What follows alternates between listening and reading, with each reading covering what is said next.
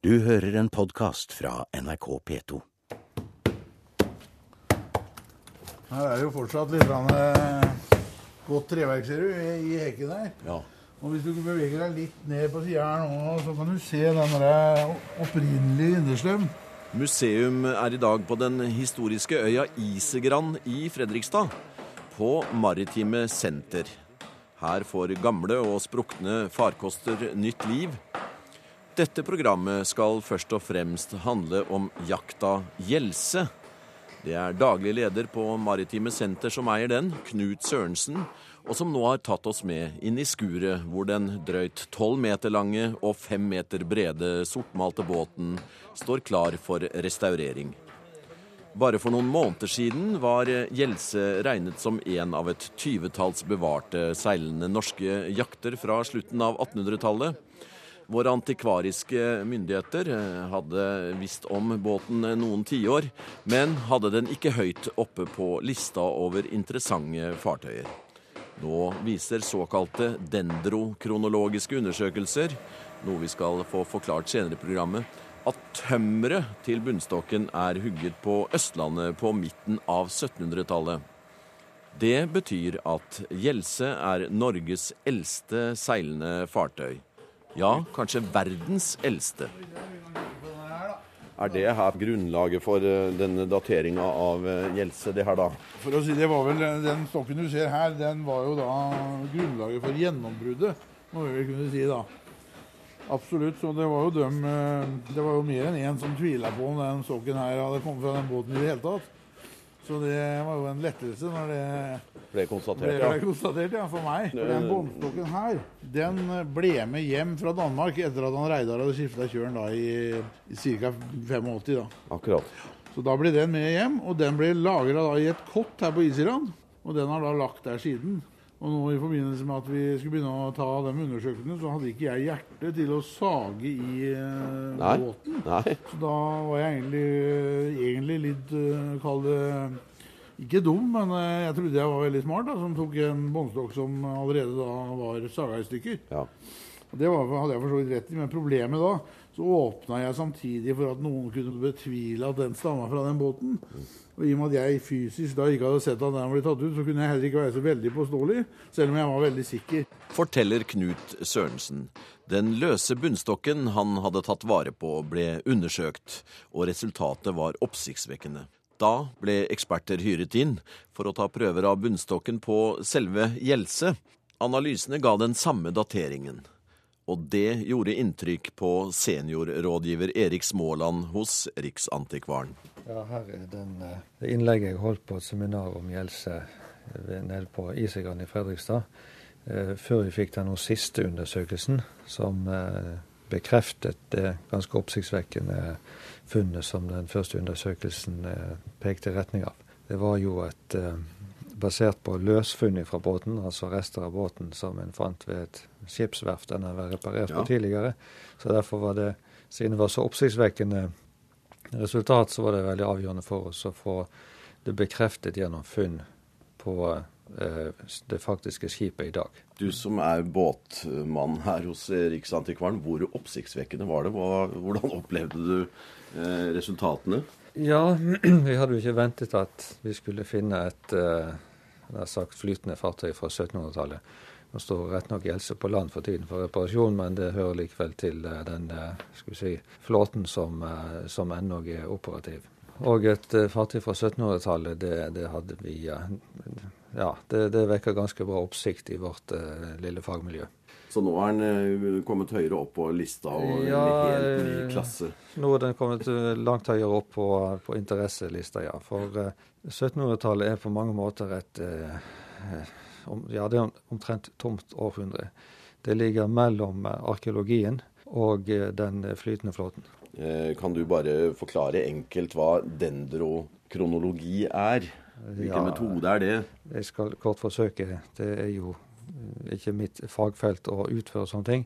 Men eh, metoden bygger på at eh, det finnes en relativ forskjell mellom årringsveksten eh, gjennom tidene. Sånn at det har ingenting med å telle seg tilbake i treverket å gjøre. en, en, en ser, det oppstår en kurve når en måler den relative forskjellen mellom eh, de ulike vekstsonene i et tre. Ja. Og så har en gjennom sikre funn konstruert en skal vi si, sammenligningskurve, en form for, for fasit, ja. ned på landsdelsnivå. Akkurat. Siden eh, det vil være litt ulike klimatiske forhold gjennom tidene for landsdelene. Så kan en da holde opp den kurven en finner, eh, mot en standardkurve. Og så finner en ut når eh, Hvis en har noen av de ytterste årringene på treverket, så kan en se når treet ble felt ved å sammenholde det med en standardkurve som går fra f.eks. 1000-tallet og frem til, eh, til vår tid. Og da kan en også finne hvilken eh, landsdelskurve den passer best ved. Og i dette tilfellet så var det oppsiktsvekkende nok eh, Østlandet, og ikke som en kanskje skulle ha trodd Vestlandet. Det betyr jo også at Gjelse er si, enda mer spesiell, i og med at vi ikke har eh, noe særlig kunnskap om, eh, om Østlandet i denne perioden her, mens vi har en del materiale som kan fortelle oss om, om eh, utviklingen på Vestlandet. Se her. Dette gamle materialet. Ja, når du ser inn i det, det er eh, fantastisk å tenke på alle sjømila som er tilbakelagt. Dype og grunne. Vi er tilbake på Isegran og Maritime Senter. Bedriften ligger vegg i vegg med Fredrikstad museum, og lever i en symbiose med museet. For eh, konservator Morten Skatsem, som leder museets kystkulturarbeid, er Gjelse nå seilet opp som en stor arbeidsoppgave. Og allerede da man i fjor vinter begynte å ane at fartøyet kunne ha en helt unik historisk verdi, gikk det bud til all relevant ekspertise om å komme til Isegran. Jeg hadde et stort seminar i mars i fjor med det som var av ekspertise på dette området her i landet. Og alle var jo syntes jo dette var kjempespennende. Veldig, veldig flott med denne båten, og at man fikk kommet sammen og diskutert og prata om det. Det kom inn eh, mange tips, mange ideer, mye spor å gå videre på når det gjelder det å få fram eh, mer om eh, his- forhistorien. Eh, Og det skal bli veldig spennende å se hva vi kommer fram til videre. Det, en, det blir jo i etterkant av dette seminaret gjort en ytterligere oppmåling på detaljer om dette, særlig, særlig da 1700-tallsmaterialet. Så vi sitter nå med en eh, veldig god dokumentasjon på eh, båten som ja, konstruksjonen og det hele. Men det er spennende. Men dokumentasjon har jeg nå borte på kontoret hos meg med hvor det var Arne Mil Christensen som eh, sto i bresjen for å gjøre den eh, oppmålinga. Og han er jo en nestor i faget vårt. Den båten her har jo levd et fryktelig langt liv eh, Ja. i området antagelig, i, langs kysten her. Ja, vi kan følge den eh, i skriftlige kilder eh, borte på, i Ryfylke-traktene. eh, ved å gå inn i Statsarkivet der borte, så har vi kunnet følge båten tilbake til 1840-tallet. Det svever litt og er litt usikkert der, men det tyder på, alt tyder på at eh, vi kan dokumentere virksomheten tilbake til 1840-tallet. Og det, allerede det er jo en innmari gammel båt, men så er den enda 80 år eldre enn det. Ja. Det er helt utrolig. Og det er jo også veldig spennende at eh, det som er gjort av dendrokronologi, ja, den forteller jo at eh, båten er bygd på Østlandet. Ja. Det også er jo eh, ganske fantastisk, for vi har veldig dårlig dokumentasjon på eh, flytende båter og form og fasong som eh, dette her gjør, fra, mm, fra Østlandet. Eh, litt bedre fra Vestlandet, men dog ikke 1700-talls. Men så har den jo gått store deler av sin levetid eh, på Vestlandet. På et eller annet tidspunkt har den kommet fra Østlandet og bort på Vestlandet. Men sånn sett er det jo naturlig at den har havna tilbake til Østlandet, da. Ja, det er veldig hyggelig det, da. Den hører liksom hjemme her, føler vi.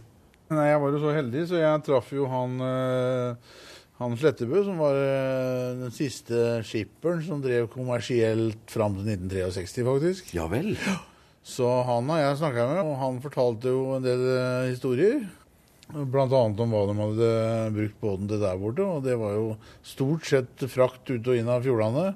Rundt i distriktet mellom eh, Stavanger, Sandnes, eh, Sauda, da, som ligger helt inne i Ja. Boknafjorden. Hva gikk den med da? Alt fra stuter, sauer, ved og kanskje til og med møkk. Det, det, og det, han sa vel også hvor mange stuter som man hadde hatt om bord. Ja vel. Nå husker ikke jeg det jeg har skrevet ned, Ja. men eh, det var et anselig antall. Så der har de lasta og stua godt. Så det er jo kjempeartig vet du, med sånn historien. Og, og som sagt så var jeg heldig å treffe ham før, han- før han døde, da. Så det er én levende bit eh, av, båtens eh, virkelig scenehistorie. Ja, og han har jo vært i, i eh, familien Høyvik, Slettebøs eie fra, fra slutten av 1800 og helt da til, til 1963. Etter det ble han jo da solgt inn til Sauda som lystbåt. Og eh, han Reidar Simonsen han, eh, han kjøpte båten i Oslo da i 1977 i Bestumkilen. Og da var han jo mer eller mindre vrak, så han har jo gjort en enorm innsats da med å prøve å holde båten Og de har jo klart å holde den flytende fram til, til vi overtok, da. I museum denne gang dreier det seg om fartøyet Gjelse. En tolv meter lang og fem meter bred jakt som man inntil i fjor trodde var bygget midt på 1800-tallet. Åringsprøver av båtens bunnstokk viser imidlertid at den er bygget rett etter midten av 1700-tallet. Jakta står nå i et stort skur på Maritime senter i Fredrikstad på Isegran. Riksantikvaren, Fredrikstad museum og eieren Knut Sørensen planlegger nå restaurering av landets eldste seilende fartøy. Det skjer i et miljø som oser av maritim historie. Ja, nei, vi har rike tradisjoner her. Vi hadde jo mindre alv som var her. altså en, Han drev sjørøveri og litt av hvert her på 1200-tallet. Og brukte visstnok Isiran som havn, da. Og etter det så har jo Tordenskjold benytta Isiran. Det ligger vel eh, rester av flere av prisene fra Dynekilen rundt i mudderet her. Rester av hva sa du da? Av prisene, altså prisene, ja. de båtene som Tordenskjold tok fra svenskene da, i Dynekilen. Ja, ligger fortsatt rester av dem her på Isiran. Så, øh, så det må vi si er veldig Det er mye spennende her ute. Det er absolutt. For å nevne båtbygginga, da, så, så var det jo årlogsverft her allerede på 1600-tallet. Og i 1686 så gikk vel eh, fregatten Lossen eh, av stabelen. Og den er jo viden kjent da fra senere. Og forliste jo da julaften 1717. Og er senere gravd ut av Sjøfartsmuseet. Eller? ja det var en av, den, en av de første og i hvert fall største ma eh, marinarkeologiske utgravinger i Norge. Og den gikk på, ute på Vesterøy på Hvaler i et formidabelt eh, uvær. Eh, det har det vært et museumsprogram om den nå, så den har vi vært borti. Ja, ikke sant? Nei, men Det er utrolig spennende historie, da. Så tilbake til det moderne igjen med, med seilbåt, eh, seilyachtbyggeri som var her. Ja, da er vi faktisk ikke sånn eh, Da er vi over til 1936. Så kom jo Bjarne Aas og etablerte seg på Isiran. Så da etablerte jo han seg i den gamle bygningsmassen som da Mineforsvaret benytta tidligere. Og det er på en måte kanskje litt av den tråden vi har eh, tatt litt over, da. Selv om vi også jobber på båter som er langt eldre enn eh, han, eh, det han Bjarne drev med. Og Bjarne Aas eh, var ikke hvem som helst i, i verdens seilemiljø. Nei, Han var en veldig eh, anerkjent og kjent eh, konstruktør på verdensbasis. Og, og, og nå fortsatt så er det jo store miljøer på, i både Bermuda og rundt New York på International One Design. da. Eller IOD, som, som er mer kjent som her hjemme. Så han Bjarne Aas han var jo liksom sammen med Johan Anker og et par til kanskje de store konstruktørene da på norsk, eh, norsk lystbåthistorie. da. Og kong Olav. Ja, Kjøpte han, båt her. Han kjøpte båt på Isiran. Så han kom over eh, Skakk gammel trebru her borti kanalen visstnok, og var på besøk hos han Bjarne. Så det er jo stas. Så jeg har hørt eh, Henry Ford og Rockefeller og sånne kjente navn har hatt eh, Bjarne Aas-båter. uten at jeg kan eh, dokumentere det. Nei, Jeg kan vel heller ikke bekrefte det sånn i farta, men, eh, men det er absolutt ikke utenkelig i hvert fall. Der ligger en uh, kollinasje tett pakka inn ute på Ja, det, det er ikke hvilken som, hvilken som helst kolinasje, for det er kollinasje, altså RS nummer én. Det er RS1. Ja, det er eh, redningsskøyte nummer én. Og den er jo da både konstruert og, og bygd hos Kollinasjer. Den er bygd i, Rekkevik, og også da visstnok på restene av Polarskuta Fram. Ja vel. Så det, det er jo en utrolig flott båt. Og den eh, For å si heldigvis så, så gikk det bra, for at eh, den eh, ble utsatt for en brann. Og har derfor Eller er da her til reparasjon, da. Så til sommeren så har vi vel alle troa på at den er under seil igjen. Og det er en privateid. Nei, den er eid av Norsk Maritimt Museum. Og da forvalta av seilskøyteklubben Colin Archer. Og for å komplettere bildet kan vi legge til at det var ved Maritime Senter Fredrikstad at speiderskuta Mohawk ble satt i stand etter en voldsom kollisjon med en fiskebåt på den nederlandske kysten i 2004. Den over 100 år gamle seilyachten ble nærmest delt i to og sank. Etter noen år på Isegran er den igjen i tjeneste for sjøspeiderne i Oslo. Det er altså stor kompetanse i det miljøet som nå skal ivareta landets eldste seilende fartøy, jakta Gjelse. Hvordan ser så fartøyets fremtid ut?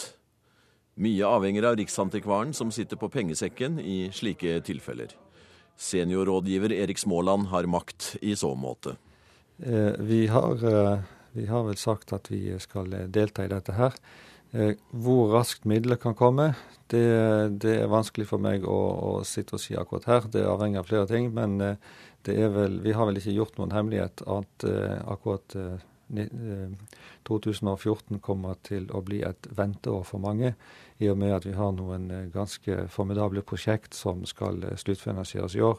Sånn at vi først fra neste år vil ha litt mer økonomisk takhøyde til å ta tak i sånne nye ting som har dukket opp. Fra Riksantikvarens synspunkt, eh, hvordan ønsker dere eh, fremtiden for eh, Gjelse? Ja, vi forsøker vel å få til en sånn pose og sekk-løsning her. Altså, et fartøy fra 1700-tallet, det skal vi være forsiktige med. Eh, samtidig så har vi jo i dag metoder for å få eh, ut eh, mye informasjon av, av fartøyet. Så vi, vi havner vel her på en metode der vi restaurerer fartøyet, men tar vare på alle originale deler som i den prosessen må demonteres pga. Ja. at de Ja. ikke holder mål kvalitetsmessig. Mm. Så derfor vil fartøyet over tid, alle originale deler, eh, sakte, men eh, sikkert beveger seg over i arkivet. Sånn at vi ikke mister mer informasjon av, fra 1700-tallet enn eh, enn det vi har i dag. Det blir jo spennende å se resultatet når den eventuelt blir under seilføring uten motor og Ja. to køyer og lasterom. Det, det setter vi også pris på, at vi får et eh, seilskip som faktisk er et seilskip. Og, og, at det er uten motor og uten passasjerinnredning, og mest mulig som det var eh, på sene 1800-tall. De beste kildene for eh, rekonstruksjon av eh, rigg og, og, og øvrig utstyr, det, det finner vi på et maleri fra 1890-tallet. Har det noen myndighet over det, det, det fartøyet Vi har vel vårt å si når det gjelder hva vi deltar i finansieringen av. Eh, Men ellers er det selvfølgelig grenser for hva vi kan gripe inn i, i, eh, i et fartøy. Eh, Det må vi styre gjennom samarbeid med, med eier og gjennom finansieringsordningene. Ja, og dere er trygge Så- på at den er på rett sted, båten, nå i forhold til Ja. restaurering? Og... Ja da, vi, vi er trygge på at den er i et fagmiljø så der den blir tatt vare på, der en forstår de historiske verdiene der den, som den representerer. Um, nå blir den restaurert som sagt slik den var som seilende eh, jakt på 1890-tallet, og ikke som eh, et 1700-tallsfartøy, for det, vi vet for lite om hvordan det så ut på 1700-tallet. Så eh, derfor blir det noe vi er rimelig sikre på, istedenfor et slags forslag til hvordan det kanskje kan ha sett ut. Ja. Det, den type spekulasjon eh, skal vi ikke gjennomføre i full skala. Det får vi overlate til, eh, til eh, artikler og publikasjoner å, å, å drive med. Og uh, siden vi sikrer kildene for dette, så, så har vi òg gjort den sentrale jobben i så måte. Tilbake på Isegran og på kontoret til konservator Morten Skatsem, som er leder for Fredrikstad museums avdeling for kystkultur. På arbeidsbordet ligger flere oppmålingstegninger av Gjelse. Her er det ja, masse kladdmål, da. Og tegna ut i detalj de uh, konstruksjonsdetaljene Ja. man har greid å finne. Vi ser her. Hvem tar nå hånd om hele dokumentasjonsarbeidet? Er det noen som nå styrer prosjektet utover Knut, som er eh, eier? Har museet noen rolle der? Eh, akkurat nå så er vi eh, Så samler vi sammen det som vi har av dokumentasjon. Men Knut har jo veldig mye, og vi har mye. Vi har ikke samla alt sammen, eh, sammen ett sted enda. Det må vi gjøre. Sånn at det er i en bank. Resultatene da, av den, eh, den undersøkelsen som da eh, eh, har foregått om bord i båten, er jo samla i en rapport fra NIKU. Så det, det, er jo, det er jo vel ivaretatt, den biten der. Så den er, jo, den er jo grei. Ja, med datering og Ja, hele og som jeg sa, så skal jo alt som er av, av gamle bestanddeler som blir demontert i båten, skal jo inn på museets magasiner. Det kommer vi til å magasinere trygt og godt. Ellers er det jo selvfølgelig også Riksantikvaren har jo samla mye om båten gjennom mange år. Så mesteparten av den dokumentasjonen som foreligger, den finnes jo også der, da. Ja, det er veldig bra at eh, det, kommet, det kommer inn eh, midler på den nå. For det, den er verdifull, men eh, altså, alle ser det, vet det. Og museet har ikke, svømmer ikke i midler som kan tilføres i helseprosjektet? Nei, vi svømmer ikke i midler, det er, det er helt klart. Men et så spennende prosjekt eh, betyr jo at vi også må kikke litt på hvilke muligheter kan vi ha. Men også hvilke kanaler kan vi bruke og stå, henvende oss til for å se om vi kan utløse noe mer friske midler. Det som er også spennende er jo på en måte når man tar, tenker neste skritt, da, når båten er eh, istandsatt og, og seilbar, så må den jo tas eh, hånd om her på Isiran, Og egentlig så burde vi jo hatt et vernebygg som båten kunne ligge inni på vannet. Og det er jo kanskje en uh, stafettpinne som bør sendes videre til, eh, til Fredrikstad da, og byens politikere. om må svinge seg litt i den forbindelsen der. Når de da blir sittende med verdens eldste seilende skip, så, så kanskje det hefter litt med det, da. Det er fint å ha i turistbrosjyra. Ja, det hadde vært veldig bra. veldig fint. Men det betyr jo mye for museet, og særlig den avdelingen du som, som arbeider med kystkultur, da, og, og plutselig få en sånn perle som du fortalte. Når Knut ringte og sa at du, det her er gammelt. Ja, det er klart det betyr noe for oss. Det, det involverer oss, og det er vi veldig glad for at det gjør. Det er et fryktelig spennende eh, prosjekt. Sier eh, Morten Skatsem ved Fredrikstad museum. Vi rusler tilbake til skuret der Gjelse står, og får eier Knut Sørensens tanker om Gjelses framtid. Det er i hvert fall øh, relativt sikkert at, at jeg kommer nok ikke til å sitte og eie den båten her. For det, det har ikke noe for seg. Det her, det her skal ikke være noen familiebåt, det her skal være en museumsbåt og et kulturminne. Så det er klart at vi må jo da legge til rette for at båten kan, øh, kan øh, få en best mulig eierstruktur da, som, som ivaretar øh, objektet. Men hvordan vi skal løse det Det er mange skjær i sjøen der. eh, Så en naturlig ting vil vel være at, eh, at eh, museet overtar som eier. Men eh, så er det da litt om eh, museet sånn som er, er i dag, har vi jo ikke noen muligheter til å drive en sånn båt. Så her må vi ha en venneforening. Og kanskje det skal være en forening som skal eie båten. Eh, Først og fremst så skal jeg skal ha kontroll på prosjektet, at det foregår sånn som på en måte Riksantikvaren og, både tidligere eier og, og jeg har som intensjon, at han skal restaureres og bli et flytende kulturminne.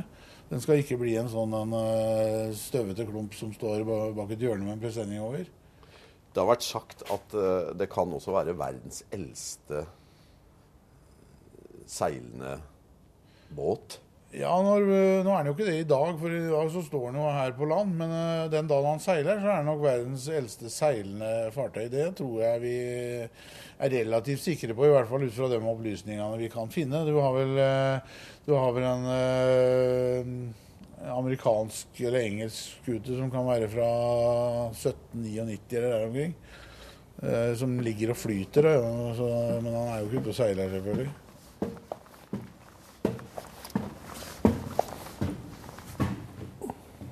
Nå har vi klatra på en sånn stillas her en, eh, og, og, ser uh, utover dekket. Det er veldig uh, vakker, vakre proporsjoner på den båten. Ja, det er absolutt. Så er jo, jo relativt brei, da, vet du. med flott hjerteform og akterspeil. Så det er en nydelig båt. Og er jo også veldig fin i, i sjøen og seiler bra. og det, Jeg har hatt gleden av å seile litt med den båten tidligere, så det er jo også veldig artig. da. Og Den her skal bli unik. Den skal ikke være noen motor og ikke noe elektrisitet eller noen form for moderne utstyr om bord. Så det, det, har vi bestemt, og det skal vi stå på. Så her må vi da seile på gamlemåten. Så det, det gleder vi oss veldig til, da. Da kan vi gå ned igjen. Det blir nesten litt svimmel oppå her. Så det, jeg, Høyder er ikke min sterke Nei, jeg forstår. Jeg hadde ikke noe problem med det. Nei, men det er ikke noe problem med det. Du har hørt en podkast fra NRK P2.